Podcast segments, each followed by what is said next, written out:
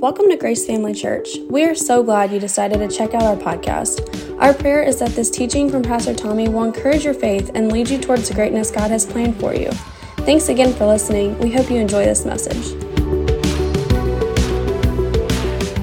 We've got a, a, busy month coming up in May, so I want to let you know about those. First of all, our men were back in action yesterday, uh, and they'll meet again in two weeks on May 28th. Um, Saturday, May the 21st. Normally, we do our upper room, which is a moment where we come together as a group of believers and just seek the presence of the Lord. It's really, uh, uh, it, we were joking about this last time we had it. How do you explain this? It's tough to explain it because there's really not a lot of structure to it. We just come in, and sometimes there's conversations we have the whole time. Sometimes we're praying, sometimes we're singing, sometimes we're quiet, sometimes we're rejoicing, but it's really just an opportunity where we can come and just see where the Holy Spirit wants to lead us and get refreshed.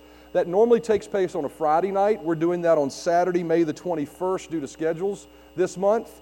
And then Thursday, May 26th, if you love worship, we're having another worship night where all we're doing is worshiping. So that Thursday night, you can come out. Our worship team will just be leading and practicing, doing what they do with worship, and you'll have the opportunity to jump in with them.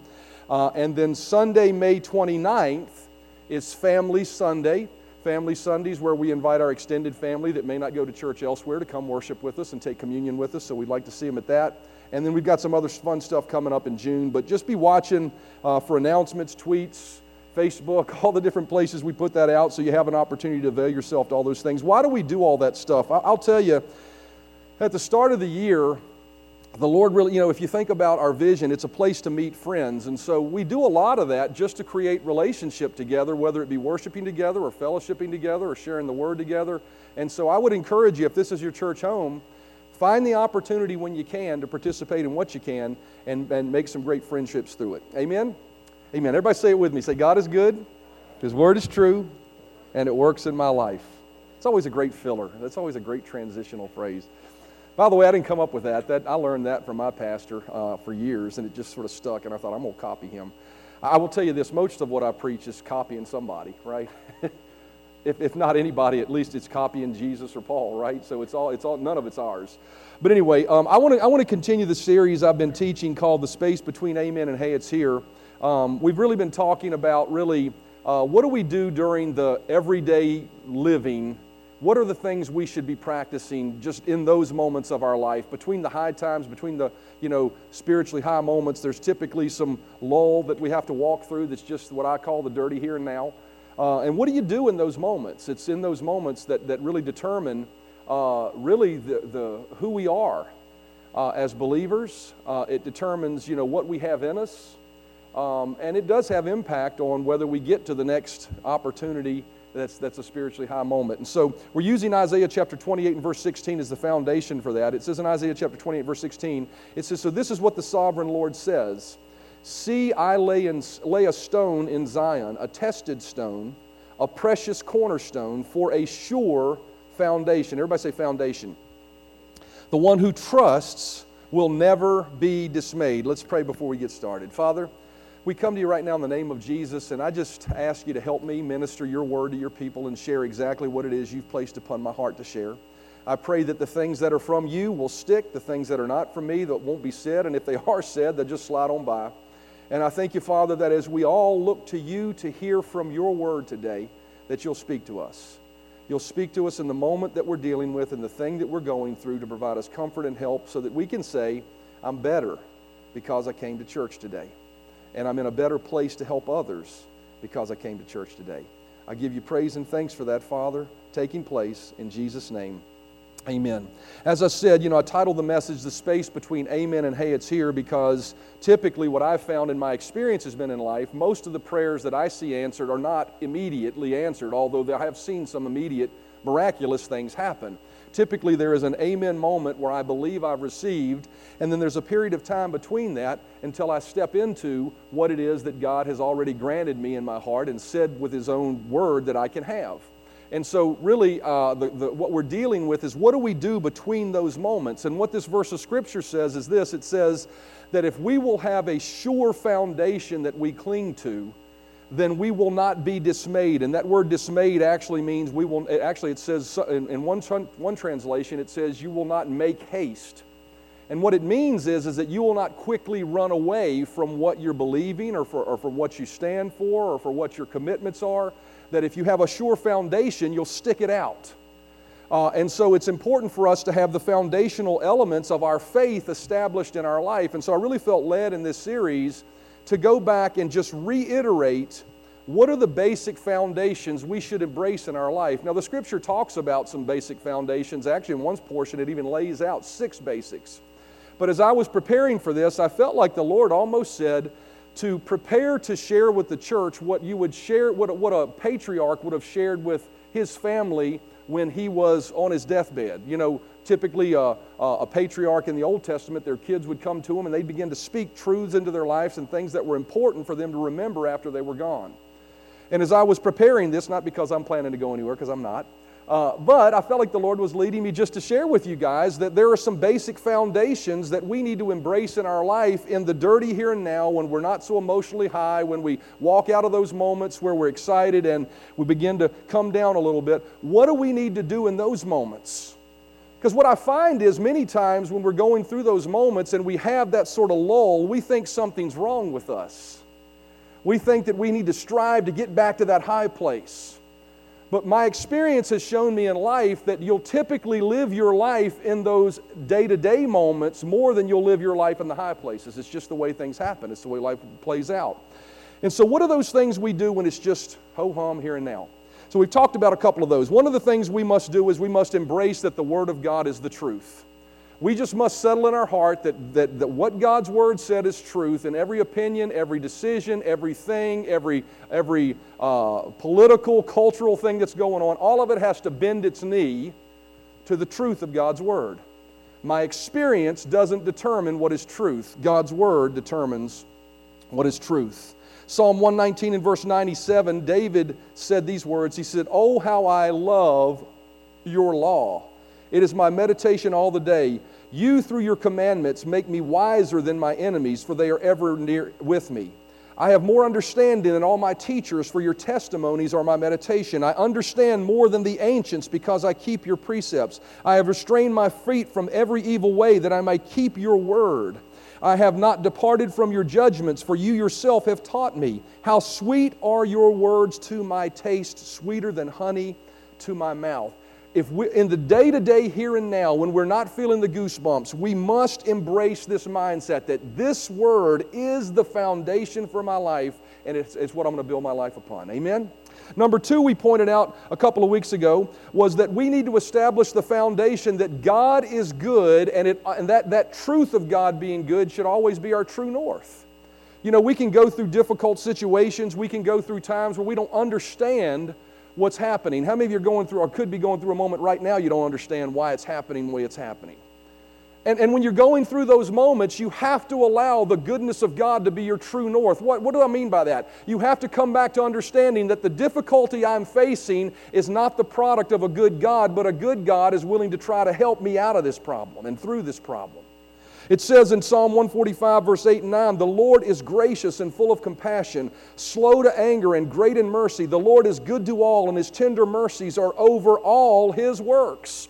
Between the moment you receive a blessing and walk into a blessing, before, between the moment that you experience a high time with God and the, the, the next moment you experience a high time with God, we have those down moments where it seems like the enemy tries to challenge us at that base level on the goodness of God you know, wonder if God still loves us, wonder if we're still doing right, wonder all of that, right? But what this verse says is that God is always good. And that should always be our true north that no matter what I'm going through, even if I don't understand it, I'm going to fall back and say, even though I don't understand this, I know somewhere in this God is good and He'll bring me through it. He may not be the source of it, but He's going to bring me through it. Amen? Amen. Now, today, what I want to talk to you about is foundation number three. And it's simply this that foundation number three is this that, is that you need to let your love for God and your love for others be your motive and your mentor in life. I'm going to say that again because I want you to catch that, and then we're going to talk about it for the next few minutes. You need to, uh, foundation number three is this let your love for God and your love for others be your motive and your mentor. Matthew chapter 22, verse 37 says this It says, Jesus said to him, You shall love the Lord your God with all your heart, with all your soul and with all your mind. This is the first and great commandment. And the second is like it you shall love your neighbor as yourself. On these two commandments hang all the law and the prophets. Jesus told us that our guide for living was to love God and to love others. Everybody say, Love God, love others. What do we do between amen and hey, it's here? What do we do between the moments where we haven't experienced what we know we've received in our heart and there may be frustration begin to set in? What do we do? We make a choice to continue to love God and to love others. To, to allow the love of God, and I notice I titled this, Let the Love of God Be Your Mentor and Your Motive. Everybody say mentor? Everybody say motive. See, I don't want to preach a message to you about what it means, uh, the things you need to do to love others. What I want to talk to you about today is really the why behind the what. And it's a foundational principle that I've found that if we'll embrace in our life, or, or it's really the thing that leads to uh, so many blessings in our life, and it's really the key that many are missing that oftentimes will hinder getting to the place of blessing that maybe they're hoping to get to. Uh, the word mentor means this it is someone that guides you and shapes you. And then the word motive is the reason you do what you do. So when we say let the love of God for and the love for others be your motive and your mentor, what I'm talking about is simply this is that our the thing that shapes us and drives us to the decisions we make should, should be absolutely and 100% our love for God and our desire to allow that love for God to be expressed to others. That should be the, the, the, shaping factor in our life, but there are a lot of reasons people do things in life, and many times some of those reasons aren't anything to do with the love of God. 1 Corinthians chapter 13 and verse 1 says this it says, Though I speak, you know, how many of you realize sometimes you can come to church and your motive for coming to church isn't because you love God, it's because you want something.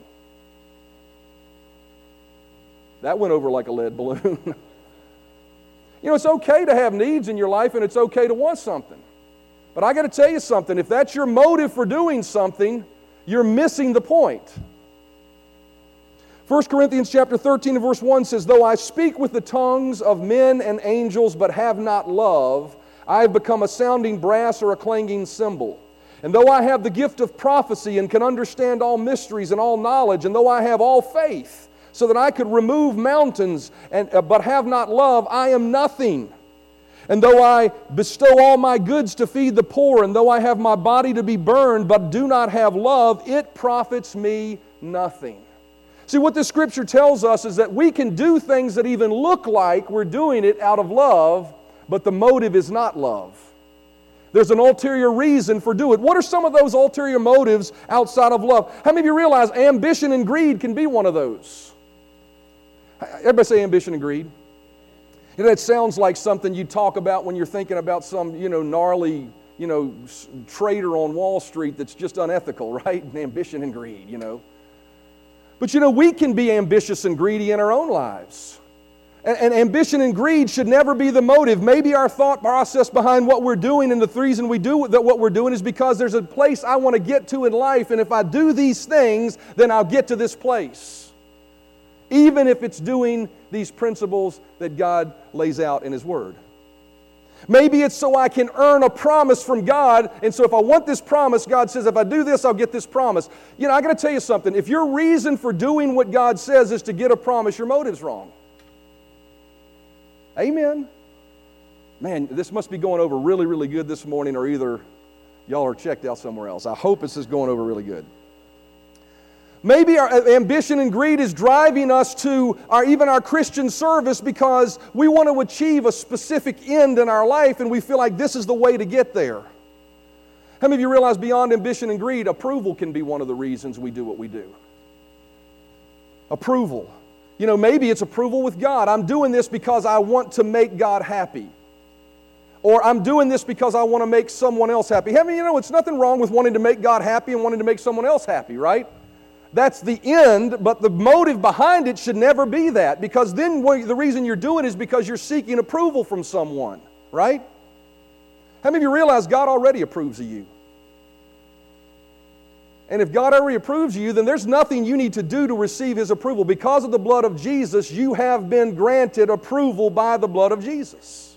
So that's a wrong reason for doing what we do. If, you, if it's approval, what winds up happening is we wind up developing a Christian experience. It's a bunch of works and boxes we need to check to keep God happy.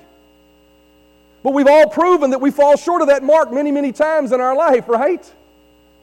And so it's a constant battle if you live in that place of God's happy with me, not happy with me, God's happy with me, not happy with me. It's quite a yo yo experience. And so amb- uh, approval is not the right reason to do the things that we do. Let me realize also fear can be a, re- a motivation, a motivator for what we do. Fear that God will disapprove of us if we don't do this. Fear that I won't get what I want if I don't act this way. Fear of the repercussions of what will happen if I don't do what I should do, right? It's, all, it's always good to have a healthy fear and know what the consequences of things are, but fear should never be your motive for doing things. In all of these scenarios, love for God or others is not the motivating factor. The thing gained as a result of the doing is the motivating factor, and the thing gained should never be our motivator in life. This is a foundational principle. This is, a, you know, the Bible says, Seek ye first the kingdom of God and all his righteousness, and all these things will be added. This is a seek ye first principle that I'm talking about. It's an attitude of the heart that will determine whether you're a, cut, a fish and cut bait believer or you're a stick and stay believer. See, all, the Bible says that our motive and the end result of all of our uh, motives, if they're not loving God and loving others is that it says that there's, it uses the phrase nothing and nobody. He says, I'm nothing and I'm a nobody. How many, if you, how many of you want to be a nothing and a nobody in life? You know, I fear this in my life. I really do fear this as, a, as, a, as a, even a pastor. Having grown up and learned about the wonderful benefits of serving God. How many of you know there are tremendous benefits that we should not disdain? How many of you realize that, that forgiveness and righteousness is something God promises us? How many of you realize that prosperity and health is something God promises us in the Bible? We should be grateful for those things. There are countless promises that God has given us. But I fear that if we focus too much on the promise and not on the motive for why we should be living a Christian life, when the promise is late in coming, we may make haste. We may fish and cut, we may just walk and, you know, cut bait and leave, right? And so, if we want to have a foundation that's solid so that we don't make haste, so that we're not ashamed, we've got to establish this principle that the motive for my life, and you know what that requires? That requires daily soul searching of your own heart. Looking into your heart and asking the question, why do I do the things that I do? See, I said I fear this. I fear that we may be raising a generation of believers that are patrons instead of disciples. How many of you know what a patron is? A patron is someone that it's a customer or a client that uses the goods of an organization but has no vested interest in the organization. And the organization I'm not talking about is this church, I'm talking about the organization of the very church, the body of Christ. There are those that serve God for what He can do for them. And how many of you realize He's a good God and He just keep on doing good for you? We see it in Scripture time and time again. He does good, He does good, He does good. People forsake Him, He keeps doing good for them. Why? Because that's his nature.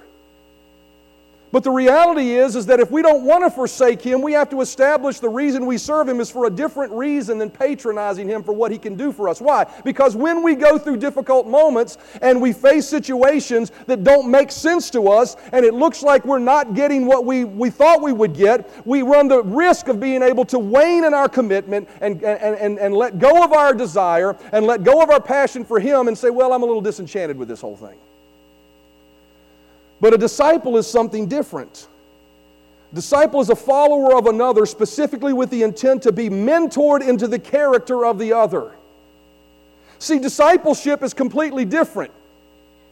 We got to, you know, there's been so much talk in the kingdom of God about the blessings of God, and we need to talk about the blessings of God. But I fear we've got people serving God for the blessing and the high times and the high moments but lack the intestinal fortitude to walk through the days uh, between Amen and hey, it's here, here it's now, if it's a long period of time, and stick with Jesus.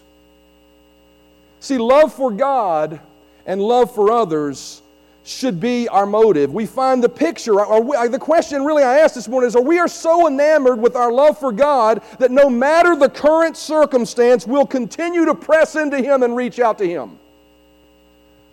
Are we the picture of the redeemed we find in the book of Revelation? Revelation chapter 12 and verse 11 says, And they overcame him by the blood of the Lamb and the word of their testimony. And notice this last phrase, and they loved not their lives unto death. See, what we see in this picture is, and we find ourselves shouting about the first two phrases very often. We overcome by the blood of the Lamb and the word of our testimony. Hallelujah, we're overcomers. But that last phrase typifies what those believers were as well. They loved not their lives unto death. Do we value pressing into Him more than we value what we consider important in our lives? Revelation chapter 12 and verse 11 in the Passion Translation says, They conquered Him completely through the blood of the Lamb and the powerful word of His testimony. They triumphed because they did not love and cling to their own lives when, even when faced with death. So here, here's the extreme of it. Even when they were faced with death, they didn't cling to their own lives. But it, the phrase here tells me this that they, they didn't cling to their own lives even when they weren't faced with death. How many of you realize none of us here right now have this morning have some Gestapo standing outside of the sanctuary waiting to kill us because we're worshiping Jesus Day? We don't have that situation right now in our lives. But how many of you realize we've got temptations, we've got trials, we've got selfishness many times in our life that are just as much yelling for us to hold on to our life instead of relinquish our lives to Jesus and His cause and His kingdom? And what this verse says is, is it says they didn't cling to their lives. See, this is a principle that it's talking about. It's a principle of selflessness. It's a principle of not being selfish. When I say the love of God and the love of others needs to be our motive, it means that we need to love God so much that I could care less of whether I am healed or not, even though He promises that I'm healed. Right? Whether I prosper or not, I could care less about that in relation to my relationship with God because He died for me. And I'm committed to Him because of that. Now, that doesn't mean we just don't, we don't embrace those other promises. But what it means is, is that our motive for our life should be greater than the promises that He gives us. As I read my Bible and I see those that the Scripture calls out as stalwarts to be looked at as exampled believers, I see people who did exploits. I see people who were tremendously blessed, even rich. I see people that did receive personal desires and promises, but in addition to that, I see beyond that a motive of heart that far exceeded and excelled any of those blessings. I see people that went through tremendous sacrifice out of their pursuit for God. And yet we've got believers that if you go more than an hour in a service, they change churches because it's a little inconvenient. If you don't have the right mix of lights and smoke and music. Right? Where's the heart that says, I just love God? If all I had was a tin can and a pan to beat on to worship Him, I'm going to do it because I love Him. Because I love Him. I see people with tremendous tenacity when things were not good, out of passion, they continue to serve God. I see people who had tremendous resolve to stick with Jesus no matter the disappointment or the lack of understanding that they were going through. I find a man like Job, even though he lacked revelation. How many of you realize Job lived in a day before there was any written scripture? He's the oldest known record. I mean, he, he just lived in a day where there was nothing recorded about who God was, who the devil was, or anything. There's nothing to learn from. He was just figuring it out. And although Job lacked the revelation that we have today of a good God and a bad devil, when bad things happened, I still see in his erroneous theological statement a commitment on the inside of him that I fear that, that, that many believers don't have today. He said in Job 13, verse 15, he said, Though he slay me, yet will I trust him. Now, how many of you realize that theology is so wrong? I mean, it's true he made the statement, but the statement he made isn't true because God wasn't slaying him. If you read the story, it was the devil slaying him. Right? But the reality is, as we see here a picture of a man who was so committed to his relationship with God that even though his theology didn't make sense, even though he believed God was the result of what the pain he was going through, he still had a commitment that said, I'm still not going to relinquish my commitment to him. Why? Because I love him. My love for God will be my commitment and, and, the, and the motivator in my life that shapes my decisions. Paul was committed like this. Philippians chapter 3 and verse 7 says, But what things were gained to me, these I have counted loss for Christ.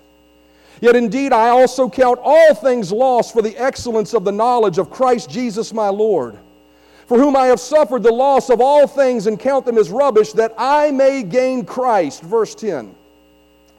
That I may know him and the power of his resurrection and the fellowship is of, of his sufferings, being conformed to his death, if by any means I may attain to the resurrection from the dead. Paul went through tremendous sacrifice in his life to be able to pursue his commitment to God. Tremendous sacrifice. He made willful choices. Everybody say willful choices. He made willful choices to sacrifice his comfort, even sacrifice some promises that God. How many of you realize Psalm 91 was around when Paul got beat with rods? And Psalm 91 says that he will protect you from being harmed, right? Well, what about that promise when Paul went through it? Paul made a willful choice saying, I'm going to I'm to go through that anyway. I'm going to run into the fire because I love Jesus so much and I want people to know how much He loves them. See, the love of God should be the motive for our lives, not the end result of what we get from it. I almost titled this the best message I've ever preached. and I don't mean that arrogantly. I mean that because this is so important. I see so many people serving God for the thing, and, and, and they're fighting for the thing, and they're looking for the thing. When they shouldn't be looking for the thing, they should be looking for Him. I just love Him. I just want Him. Why do I pastor this church? I can tell you why I pastor this church. Although I love you and I'm grateful for you, I do it because I love Him. It's what He's asked me to do. There have been plenty of days where I could have just folded up and left because it was hard. Why didn't I leave? Because I love God and I love you, and He loves you, and He wouldn't let me leave. Now, that doesn't mean, oh, well, thank God, Pastor Dom. It's probably God would send somebody else. I'm no special thing. But all I'm saying is, is that why do we do what we do? We should do what we do for the same reason Paul did. He made willful sacrifices. See, one thing we need to recognize about Paul is the sacrifices he went through in his life and the burdens he bore in his life, he didn't bear burdens that he didn't want to bear. Right? What do you mean by that? See, a lot of people think that suffering for Jesus means letting life deal you a bad hand and just dealing with it and say, well, I guess I'll just accept that as my cross to bear. Paul did not live his life that way. He fought the good fight of faith and he kicked things out of his life he didn't want with the promises of God. But he made choices to sacrifice when sacrifice was necessary to further his relationship with the Lord or to further someone else's relationship with the Lord. And that is the point of this whole message. Our motive and mentor in life should always be that I love God and I love others, and those will shape my decisions, not what I personally want out of life. That's so contrary to what the world will teach you. Philippians 3 and verse 10 says, And I continually long in the passion and I continually long to know the wonders of Jesus and to experience the overflowing power of his resurrection working in me. I will be one with him in his sufferings and become like him in his death. Now, see, he wasn't saying, I hope God makes it hard for me. What he was saying was, is just as Jesus sacrificed for me, I am willing to live like him and sacrifice for others. Only then, only then, only then, everybody say only then. Only then will I be able to experience complete oneness with Him in His resurrection from the realm of the death. He said, if you want to really experience, this is what He's saying. If you really want to know Jesus, you know, we cry out in worship, oh, Jesus, I, if you really want to know Him, embrace the sacrifice. Be willing to lay down your life because you love Him so much that you're willing to do what, what, what, what He's asking of you or what He's calling you to. See, the summary of this whole thing is, is we shouldn't do things in life because our, motive, because our motive is anything other than we love God and we love others. And anything that we get after that being our, and our motive should just be gravy on our mashed potatoes. Right? What do I mean by gravy on our mashed potatoes? The meat and potatoes of our life is loving God and loving others. And that is what I'm going to hang my hat on. That is what I'm going to use as the motive of my life. And because of that, God gives wonderful promises that I need to believe for and stand for and confess over my life. But those promises have nothing to do with my happiness, they have nothing to do with my motivation. They're just gravy on the mashed potatoes. And I'm going to be thankful for them. I'm going to fight for them and I'm going to stand for them. But if the gravy ever gets in the way of the mashed potatoes, I'm putting the gravy down. Amen? What do I mean by that? That means that I'm all, we should always check our motives with is the reason I'm doing what I'm doing because I love God and I love others? Or is it greed, ambition, fear, approval? If it's any of those things, take it back to the altar. God may want you to do the exact same thing. He just may want you to get your motive right. It says, Lord, I'm doing this because my life is your life. Do with me what you will. Now, how do you get to that kind of passionate love for God as the musicians come? How do you get to that place of passion? Do you just grit your teeth and dig in? Do you just get to that place? You know, in a marriage, many times, how do, how, you, you feel like you've fallen out of love. How do you get to that place of love you once had before? Do you just grit your teeth and walk through it? No, there's a way to get to that place in a relationship, and there's a way to get to that place of passionate love again, just in your relationship with God. And it's real simple. 1 John chapter 4 and verse 19. We love him because he first loved us. Everybody say, I love him because he loves me. Not he loves me Say that. Say, not he loves me because I love him. Don't get it twisted. The way you develop passionate love for the Father is to allow him to love you, to open your heart to him. It says we love him because he first loved us. It is our grateful response to the love of God first demonstrated to us. Love spawns in our heart for God and for Jesus when we begin to look at what he did for us to express his love to us. What was the sacrifice he made? John 15, verse 13 says, Greater love has no man than this, than to lay down one's life for his friends. The sacrifice Jesus made was he laid down his life for us. Now, that verse says he laid down his life for his friends, but for many of us, we weren't even his friends when he did it. We were enemies, sinners, not even thinking about God, maybe even resisting him. But Romans 5 8 goes a step further and says, But Christ proved God's passionate love for us by dying in our place when we were still lost and ungodly.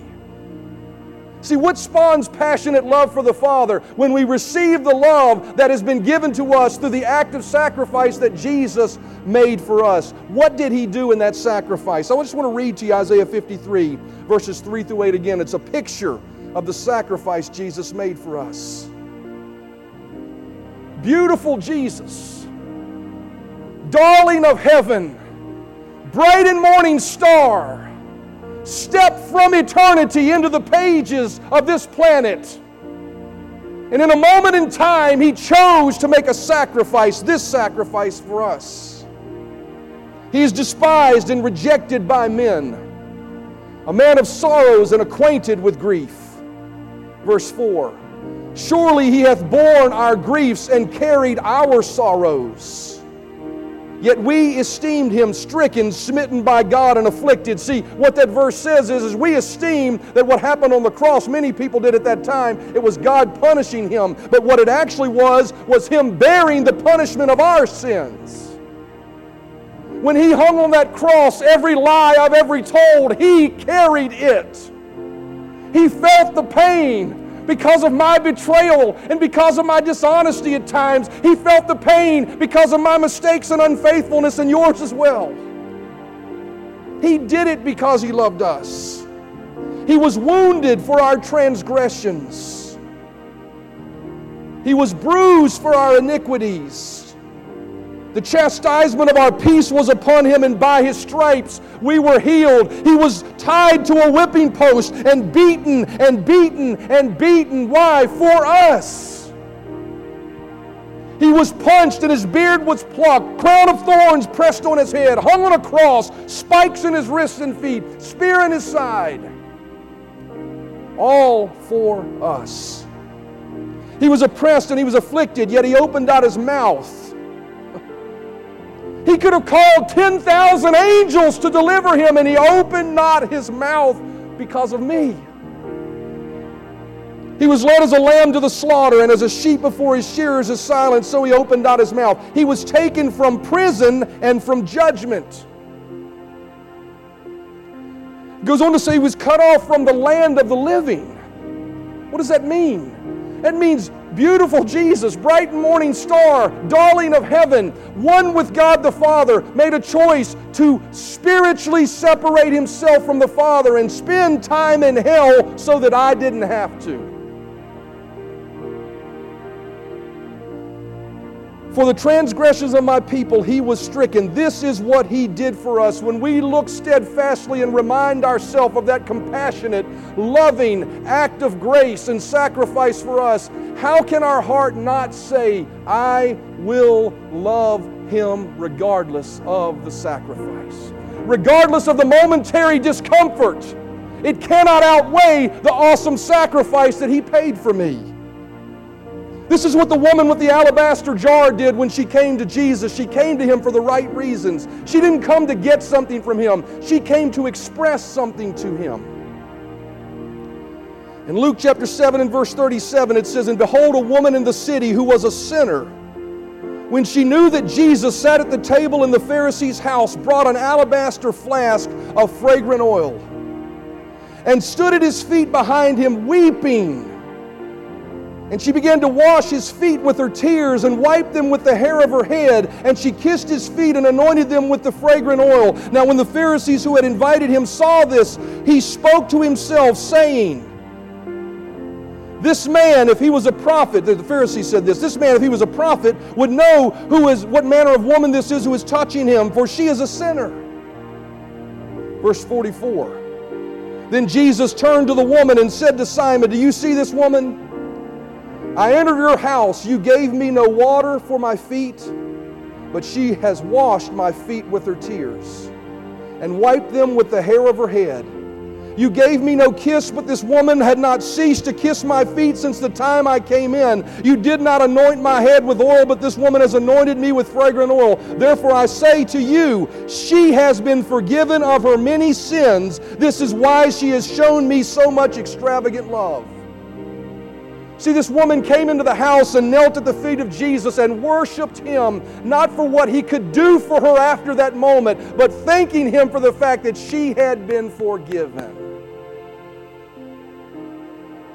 Her love was sincere, no ulterior motive. To her, God was not a spiritual gumball machine.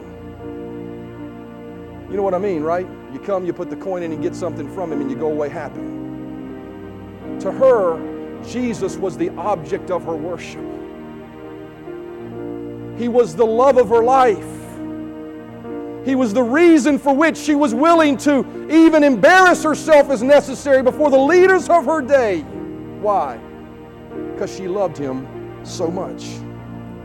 Philippians says, And this I pray, that your love may abound still more and more, that you may be sincere and without offense till the day of Christ. Sincere. Sincere means uncontaminated, pure, and transparent.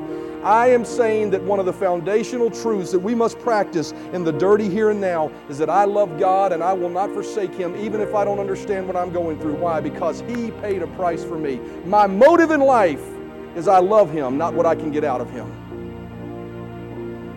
May we love Him because He first loved us. May we serve Him out of gratitude instead of ambition or personal gain. May we love others out of sheer sincerity without ulterior motives. May we live our lives with solitary motive of pure love for Jesus just because He died for us.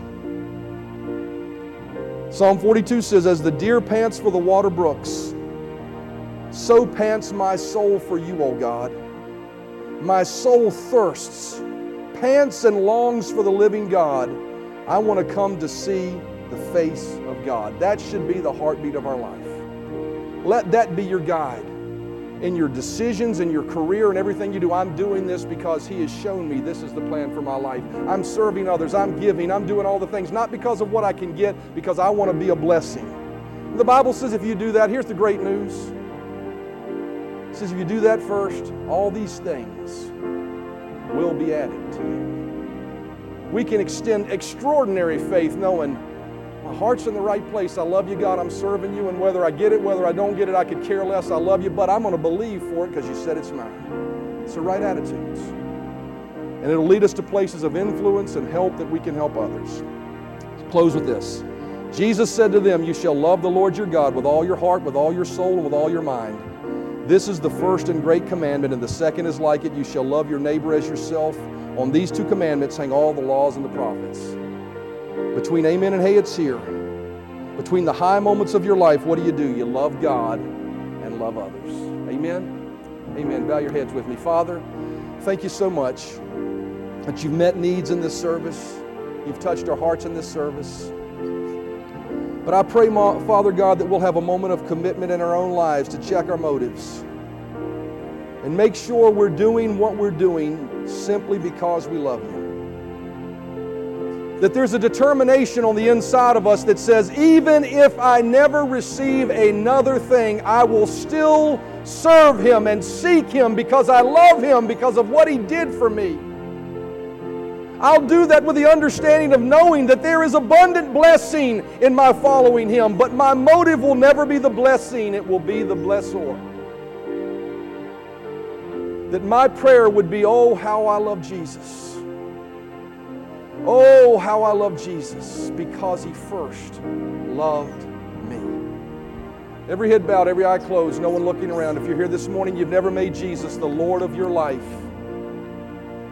and you desire to do that today, let me tell you, His arms are open wide. He loves you so much. If that happens to be you, or if you've backslidden, you've fallen away, and you just need to get right with Him, if that's you, would you just raise your hand right now and say, Yes, Pastor, that's me. I need to make that choice. Anyone at all? I'm just going to wait just a moment. Don't miss a chance. If the Lord's tugging at your heart, just respond. Anyone at all. Amen. I'll take it that we're all in the right place with Him.